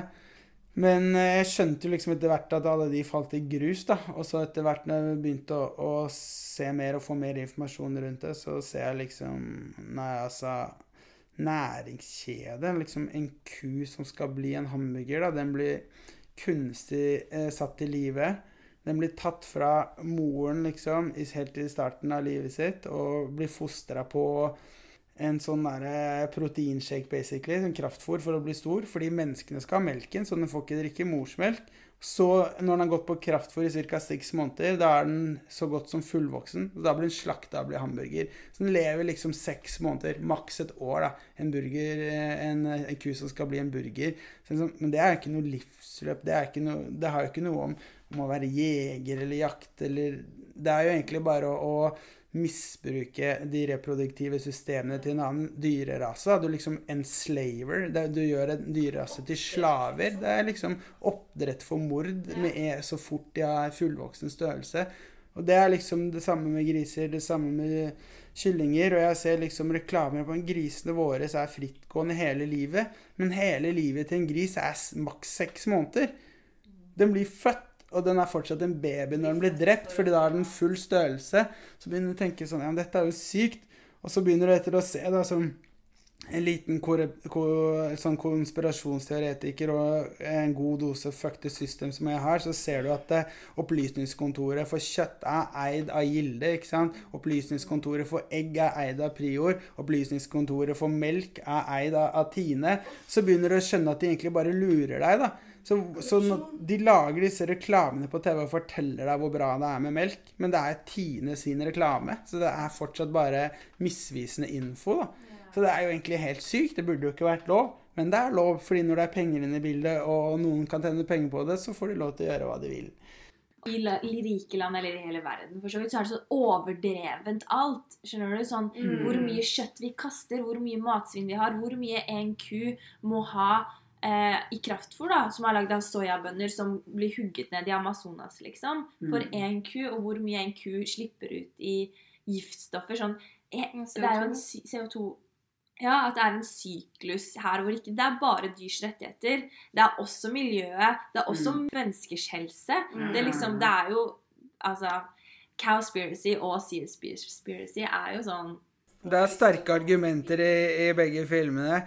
Og det er Det er jo jo kritikkverdig også ting å ta de på. Det er jo ikke det, men eh, man jeg, jeg, jeg vil tenke sånn Jeg vil si sånn der I 2021 da Så er det sånn Jeg synes det er rart at ikke flere har lyst Å i hvert fall gå plant-based Fordi en ting er at hvis du er veganer Så er du veldig hard på dyrs rettigheter Ikke sant? Der du vil unngå misbruk av dyr Og det er liksom over hele linje da. Så det er liksom så Er du veganer så er det liksom et, Du mener at det er etisk feil Å, å sette dyr kunstig til livet Bare for å høste det for kjøtt liksom. Eh, eller egg, eller du, du, du, du skal ikke liksom utnytte dyr, da. Og, og, for, og så er det jo sånn at i den utnyttelsen av dyr som skjer, så er det jo et grovt dyreplageri i tillegg, ikke sant? Sånn at det er liksom bare negative ting med det. Så veganer er du helt mot det, men hvis du spiser plant-based, så er det ikke egentlig av dyrs rettigheter, men da handler det bare om og det er på en måte mer, Du kan si den mer egoistiske siden, men det er veldig bra, for den appellerer til veldig mange. For da ser du mer bare på alle gevinstene du får av å spise plantebasert. Så, mener? Sånn at, øh, øh, så jeg syns det er egentlig helt rart i 2021 at ikke alle er plant-based. Fordi det er liksom ingen argumenter imot det, og det er tusen argumenter for det. Det er sånn, det er dritbra for helsen din, det er bra for huden din, det er bra for håret ditt, det er bra for å bygge muskler. Hvis du driver med sport og har lyst på bedre utholdenhet og bedre styrke, så er det plant-based som er tingen. Hvis du er redd for kreft og hjerte- og karsykdommer, som er det vestlige folk dør av, så er det plant-based. Ikke bare uh, er det bra for at du ikke, ikke utvikler det, men det reverserer kreft å spise plant-based. Tenk deg, så, så sykt. Og folk er livredde for kreft. Ikke sant? Det er det eneste, det er det eneste som er uh, bevist av forskere å reversere kreft. Det er plantekost. Ingen medisin i hele verden er bevist å gjøre det, men plantekost er bevist å gjøre det. Skjønner du? Og, sma og smarte folk finner ut, sånn som, eh, sånn som eh, når Steve Jobs, som grunnla Apple, eh, fikk kreft, så fant han gikk veganer over natten, for han leses opp hvordan kan jeg prøve å reversere det, hva kan jeg gjøre, ikke sant? Men han vet ikke på forhånd, så det var på en måte for seint. men han kanskje klarte å forlenge livet sitt, i hvert fall da. Men til det med hvorfor går ikke alle plant-based, da, hvis man tenker på en måte verdensbasis De som er avhengige av f.eks.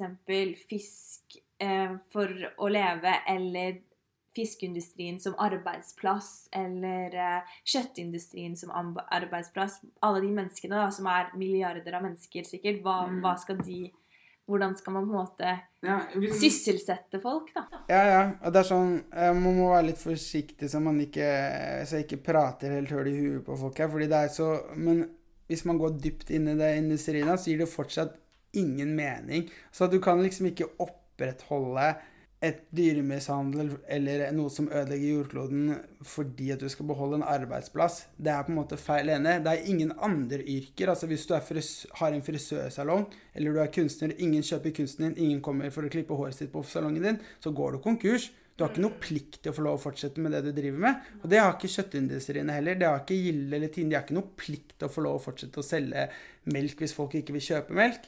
Ikke sant? Og så er det jo sånn at disse arbeidsplassene som man snakker om, som høres veldig fint ut om man vil ta vare på arbeidsplassene i kjøttindustrien og sånn, altså det er jo helt forferdelige arbeidsplasser. Og spesielt de som står på slaktegulvet og skyter 300 kuer med boltpistol i pannen hver dag. De får posttraumatisk stressyndrom, alle sammen.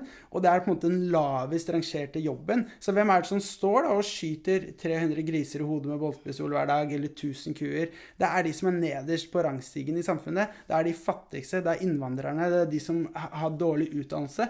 Og de blir syke av de jobbene sine. De blir psykisk syke av det. Så hvilke jobber er det man skal beskytte? Det er en forferdelig jobb. Ok, Kanskje de som står og pakker kjøttet på andre siden av killfloor på andre siden av veggen når du kommer ferdige stykker ut av veggen. At det, det er litt lettere. Kanskje det går, kanskje det er noen jobber.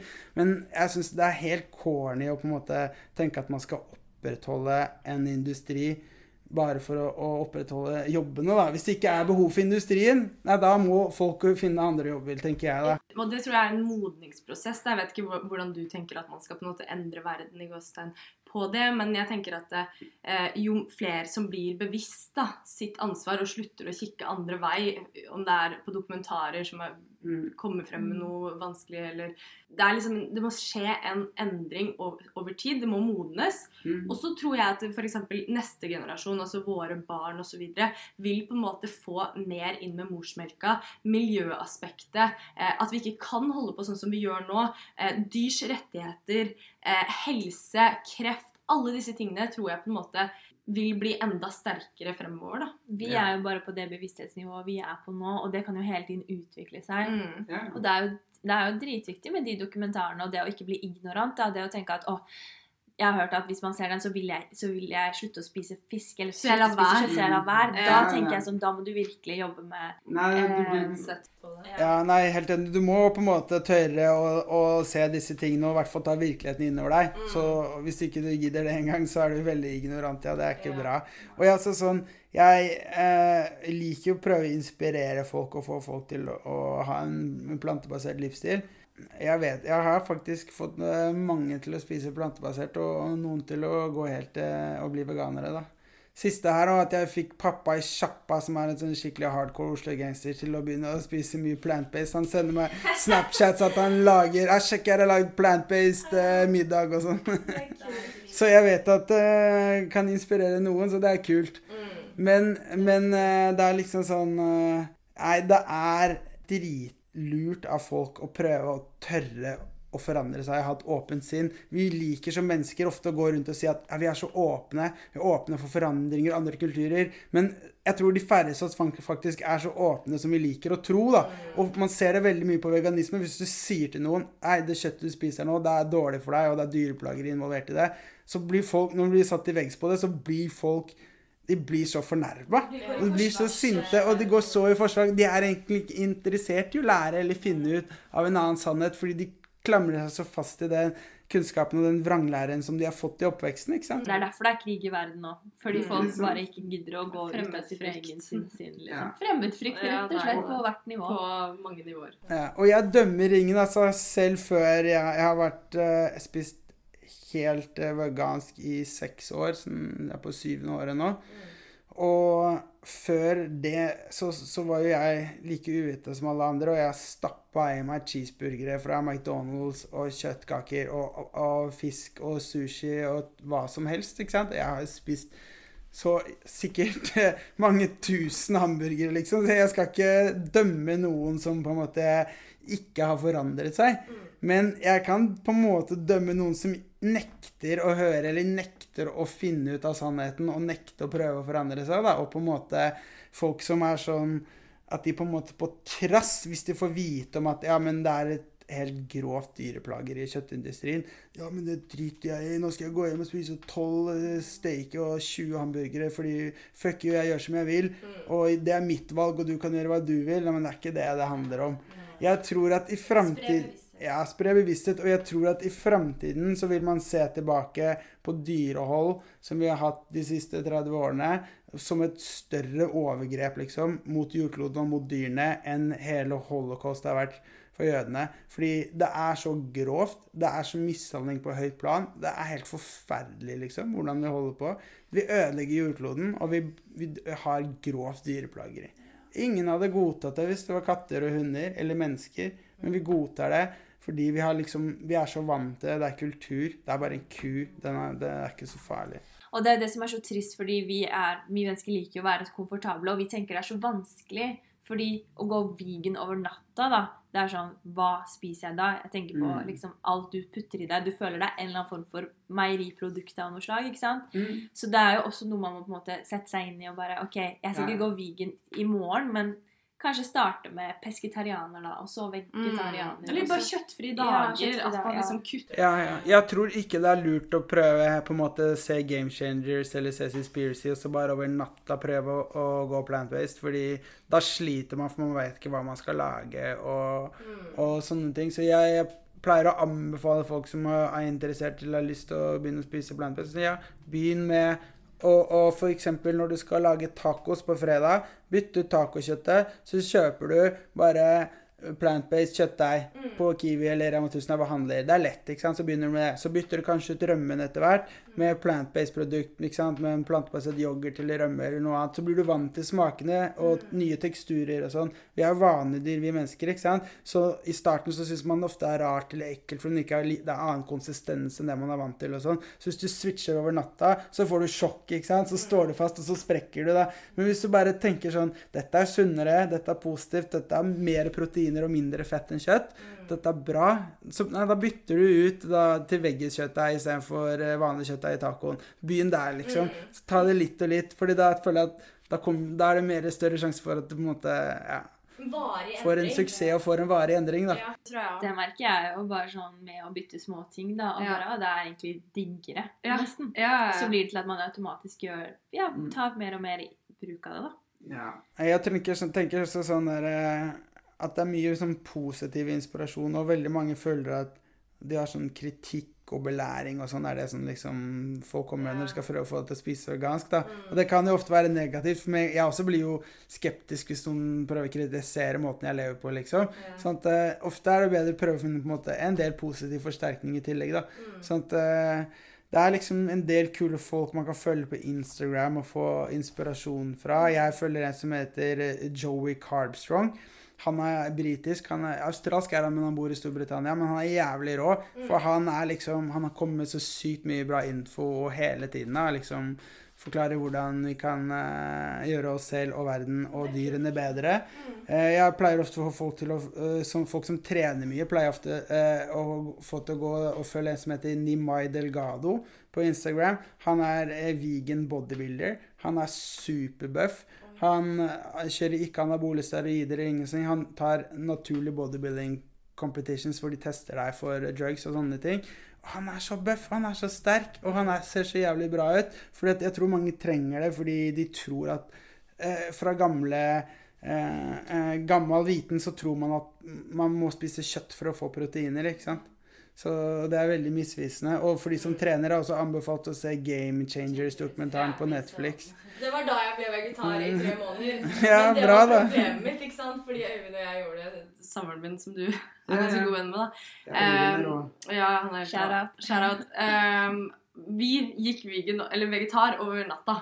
Og så var det sånn herre Så var det jul, og så skulle vi hjem da på middag til pappa, de som har ribbe, kalkun, medisterkaker. Og da var vi sånn Vi ble nesten litt flaue. da, Bare sånn Nei, herregud, det går fint, liksom. Vi kan bare spise det. Og så liksom, sakte, men sikkert så gikk vi liksom tilbake til normalen, da. Men nå har vi liksom funnet en greie hvor vi kutter ned sakte, men sikkert, og bytter ut, sånn som du sier, ulike produkter, da. Mm. For å på en måte venne oss til å lage mat på en annen måte. Mm. Og det tror jeg er skikkelig viktig. Det er en modningsprosess. Da. Det er som du sier, vi er vanedyr. Vi Og- trenger å uh, se og smake en ting flere ganger før vi begynner å OK, Det var greit, liksom.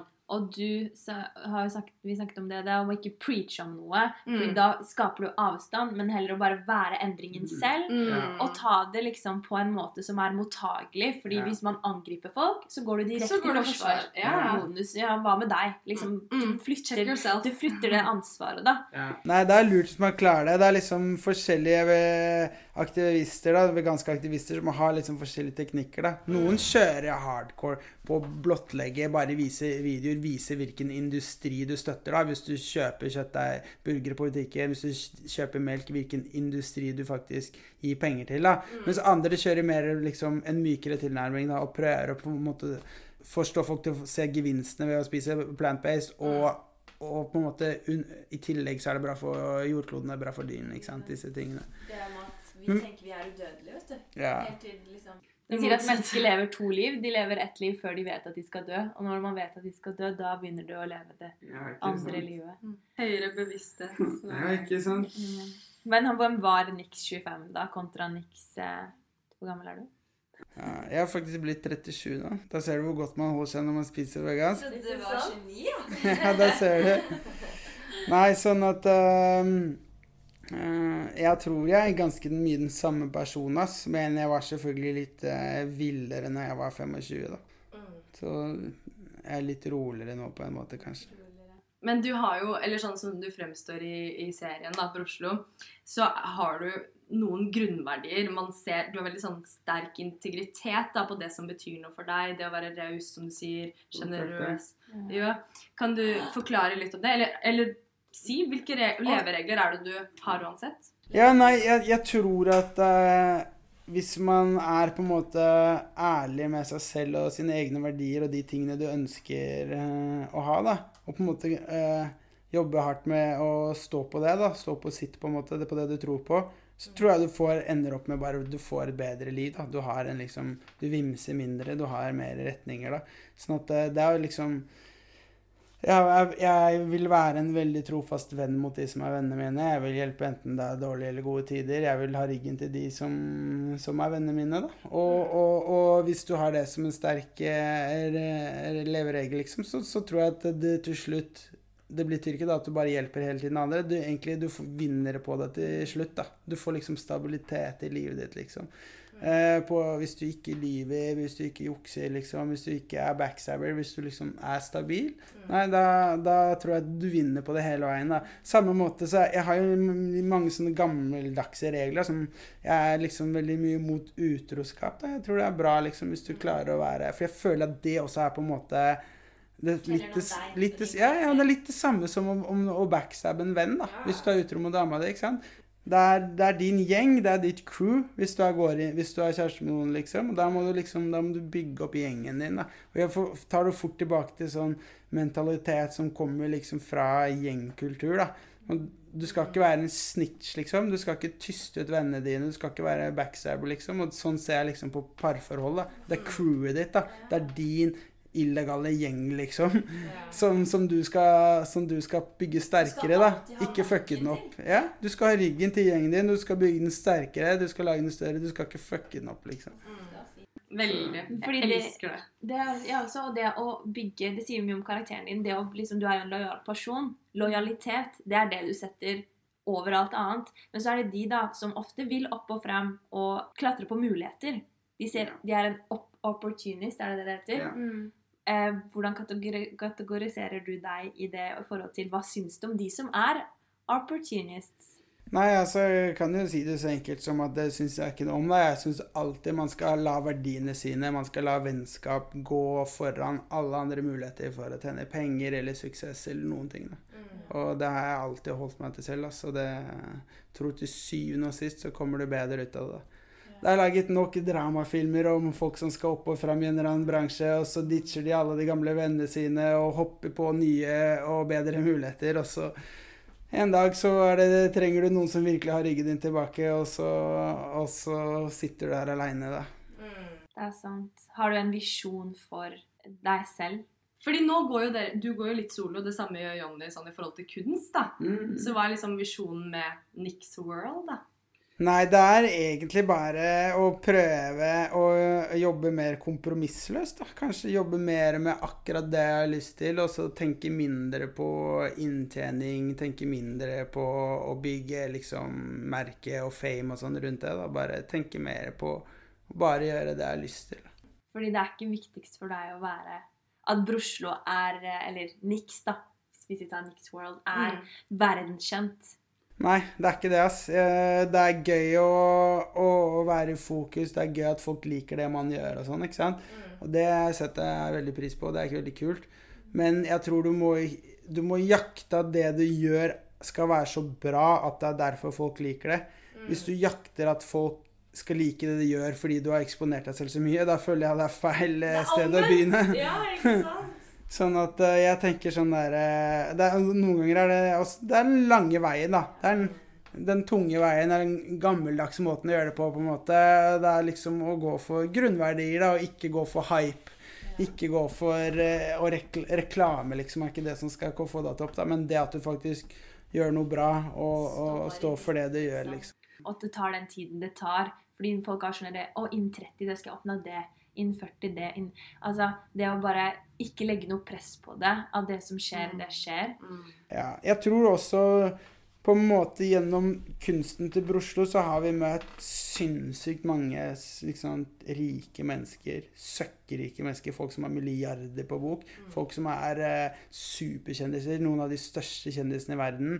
Og, og noen av de folka med mest hype, ikke sant, har vi møtt. Og, og det er sånn Det er en rød tråd, da. Det er ingen av verken de pengene eller den famen som gjør deg lykkelig, liksom. Og det, er, det høres nesten ut som en klisjé å si det, ikke sant.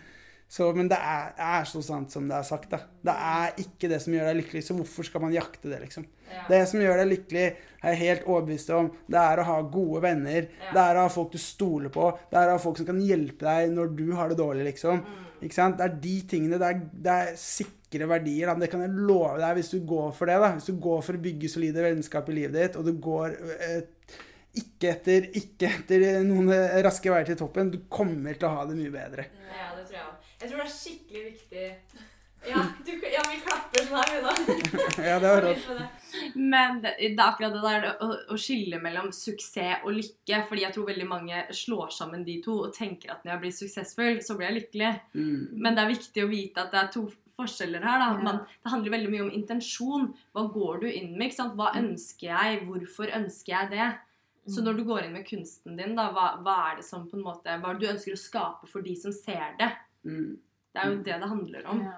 Ja, jeg tror, jeg tenkte, jeg husker sånn Når jeg var sånn 16 år, da, så møtte, møttes jeg alle kompisene mine liksom hver fredag.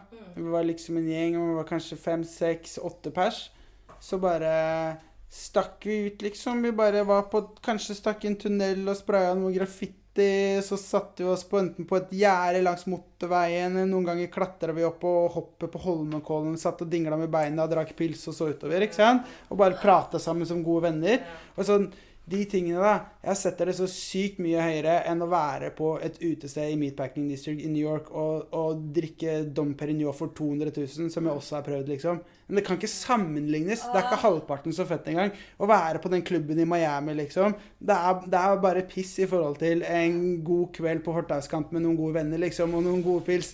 Det er så mye råere, da. Så Ja, men det er så sant. Og det er vi, vi, Ja. vi er jo en gjeng som henger mye sammen og finner på ting sammen. Og det er jo de beste minnene hvor vi, hvor vi bare er ute Sånn som vi går i ja, i skogen og drikker. og drikker. Mm. Eller vi bare Det liksom, det har vi begynt med da, i korona. Ja, ja. Men, og de trener sammen, de små tingene. Og hvor vi er bare sånn når vi møtes, så skal vi snakke om ting, og vi snakker om alt. og vi går dypt, og det er høyt og lavt, men vi har også det veldig gøy sammen. Mm. Og kunne være, ha de relasjonene rundt deg hvor du bare kan være helt ærlig, helt deg selv. Mm. Du har det, du har det, jeg har det. Og man skal ikke ta det for gitt. For det er så mange mennesker som står opp og er fake, eller som føler at de må passe inn et sted hvor de ikke hører hjemme. Hvor de Mm. går på akkord med verdiene sine hele tiden. Og det er vanskelig å stå hvor det er vanskelig å stå imot hva samfunnet forventer av deg. da. Det er kjempevanskelig, og jeg tror liksom for å skyte inn på det der, så er det viktig å huske på at det, det er også en reise, og at man finner det litt etter hvert. Fordi hvis jeg ser tilbake på meg selv som en usikker 16-åring, så visste jo jeg hvem det var kult å henge med, og jeg ville jo gjerne henge med de, ikke sant? Så det er en sånn modningsprosess, og det er viktig å Ja, å huske på at man er ikke det ene eller det andre, men at det, det tar tid da, å komme dit hvor vi har vært i dag, og nå trives og elsker å bare henge ut og chille, liksom. Ja. Og så er det en tid for alt. Men det er en liksom. tid for alt, da. Og en tid hvor Ja. man sniker seg inn på Tøyenbadet, og det er dritfett. Og vi gjorde det tre somre på rad, men det er ikke, hadde ikke vært like gøy denne sommeren her. kanskje, kanskje.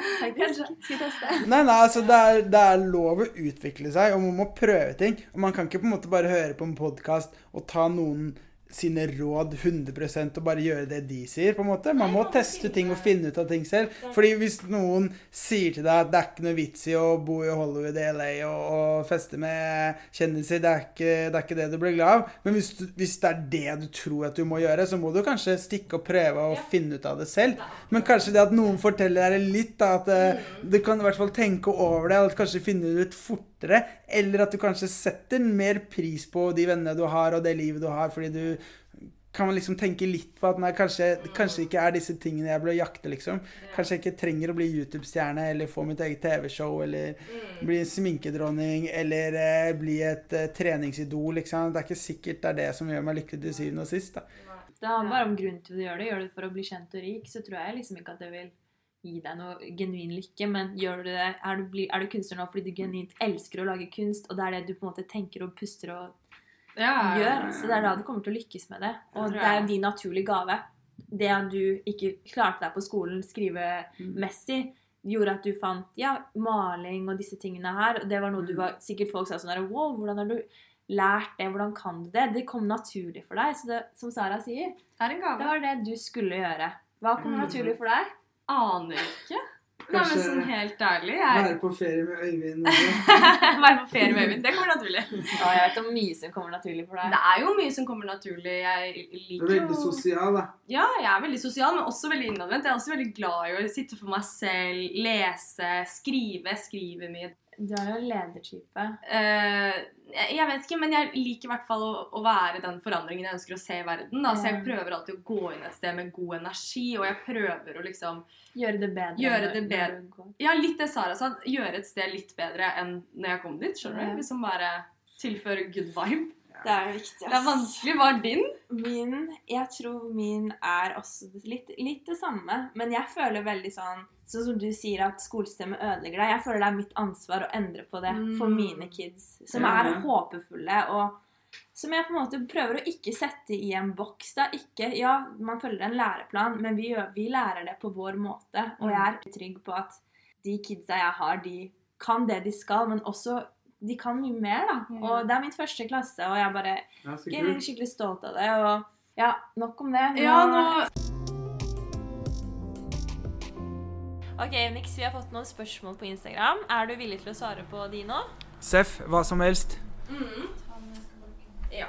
Vi har for eksempel eh, Så er det jo noen som lurer på når neste Street Meet er. Ja, Street Meet er foreløpig planlagt for august. Vi får se hvordan det går med koronaregler og sånn, men vi er i, i gang med å få det til nå. Og det skal bli mye større. Vi skal til og med ha masse liveartister. Ja, mye større. Vi prøver å få hele grusplassen på Fornebu, da. Som er liksom eh, 20 000 kvadratmeter. Og, og masse biler, masse motorsykler, masse artister og en svær greie. Kunst, kunst og alt sammen. Ja, det blir kult. August. Be there or be square. August. Absolutt. Um, og så er det et om kryptokunst. Ja. Yes. Eh, hva syns du om kryptokunstscenen, og hva bringer den til kunstverden? Mm, ja, det er bra, bra spørsmål. Ass. Det er jo en superhype eh, rundt det nå, da. Så med alt annet som er en superhype, så blir jeg alltid litt skeptisk. Ja. Sånn, hm, er det her egentlig noe fett? Og, men jeg, eh, det er liksom Jeg syns at en del av kunstverkene som blir laget som kryptoart, eh, en del av 3D-animasjon og sånn, det er kule ting. Og det er fett, liksom. Men hva egentlig hele kryptosystemet med Rarible og OpenSea, hva det egentlig gjør for kunstverdenen, så tror jeg det gjør ganske lite. Jeg ser på det mer som at det er en slags ny måte for folk å bytte aksjer på, da. Men istedenfor at du kjøper en aksje, så kjøper du et slags sånn digitalt kunstverk som du kan trade videre, da. Så for meg så føler jeg det er mer som finansvaluta egentlig enn det har så veldig mye med kunst å gjøre. Men eh, ja, det er fett. Vi får bare se hvordan det går.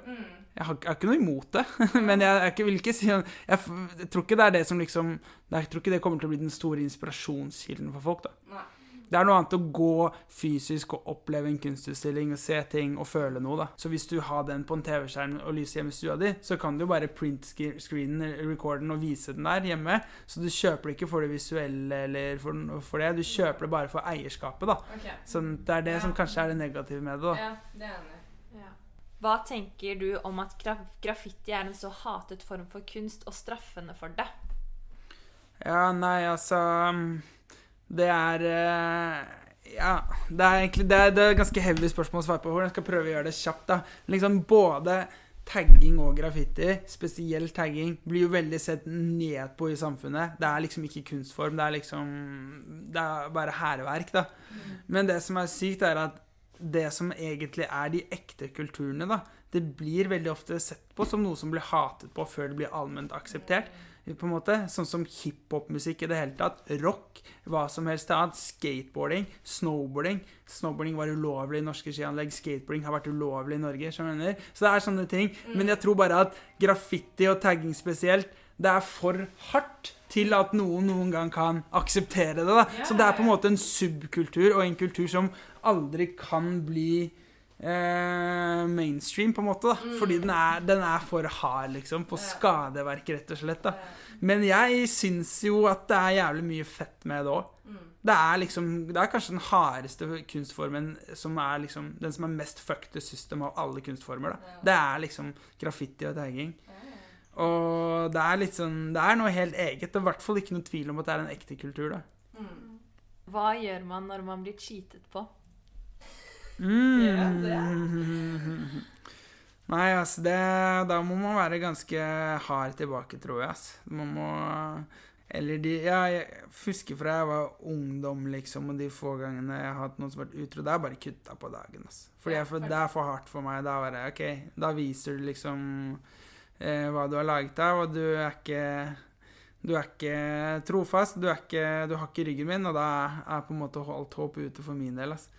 Så det er sånn jeg ta, har taklet med det, da. Men det kan jo være i noen situasjoner kanskje at eh, det går an å finne sammen av en eller annen grunn. Så det, det må jo være hva, hva begge føler på. Jeg tror kanskje den barnsligste varianten er jo når den ene har gått vært utro, så stikker den andre og er utro tilbake etterpå.